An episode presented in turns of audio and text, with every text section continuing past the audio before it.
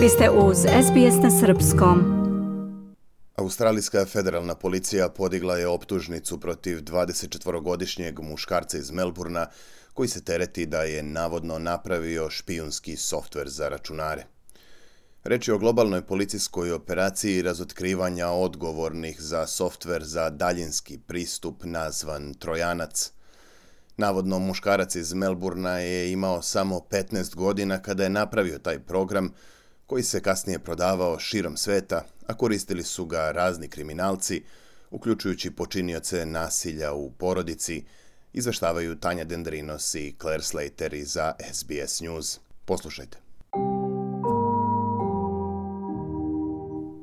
Međunarodna policijska operacija koja je počela pre pet godina nakon dojave multinacionalne firme za sajber bezbednost i FBI-a počela je da otkriva mrežu koja stoji iza trojanac špijunskog softvera za daljinski pristup. Ovaj softver je poznati kao RAT, a nazvan je i bliski pratilac ili imminent monitor.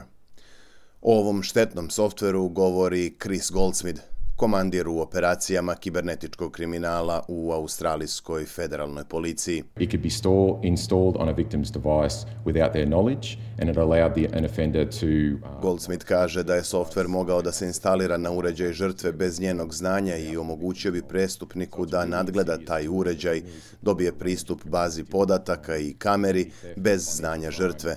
Reč je o podmuklom sredstvu koje može da služi za niz kriminalnih aktivnosti, od krađe identiteta i finansijskog kriminala, pa sve do uhođenja i nasilja u porodici.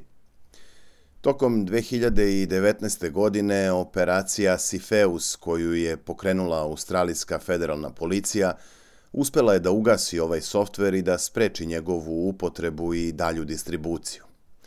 Iste godine istražitelji su zaplenili niz uređaja, uključujući i prilagođeni računar koji je sadržao kod za razvoj i upotrebu ovog špijunskog softvera.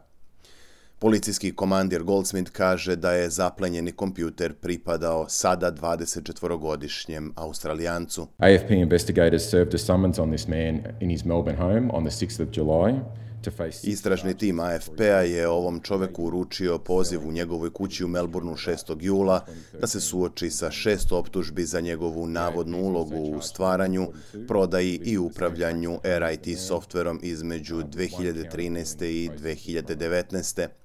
AFP je također optužio 42-godišnju ženu koja živi u istoj kući u Frankstonu sa jednom tačkom optužnice za upravljanje prihodima stečenim kriminalom. Ukoliko bude proglašen krivim, muškarac iz Melburna bi mogao da se suoči sa zatvorskom kaznom i do 20 godina.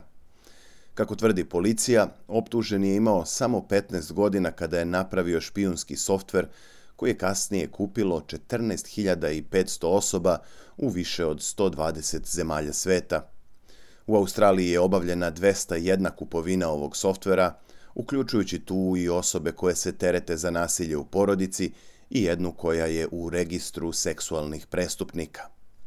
Policija veruje da ima na desetine hiljada žrtava tog softvera širom sveta.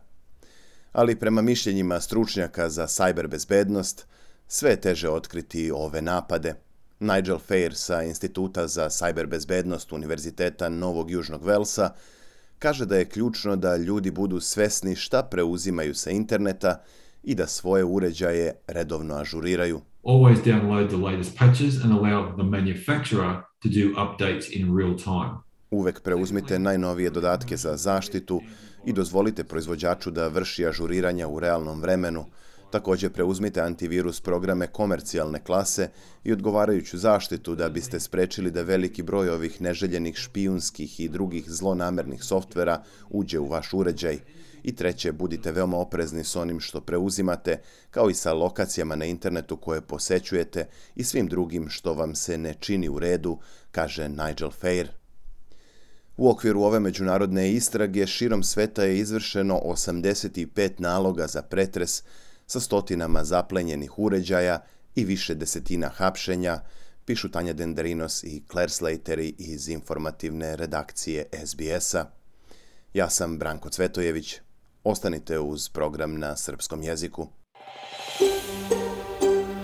Želite da čujete još priča poput ove?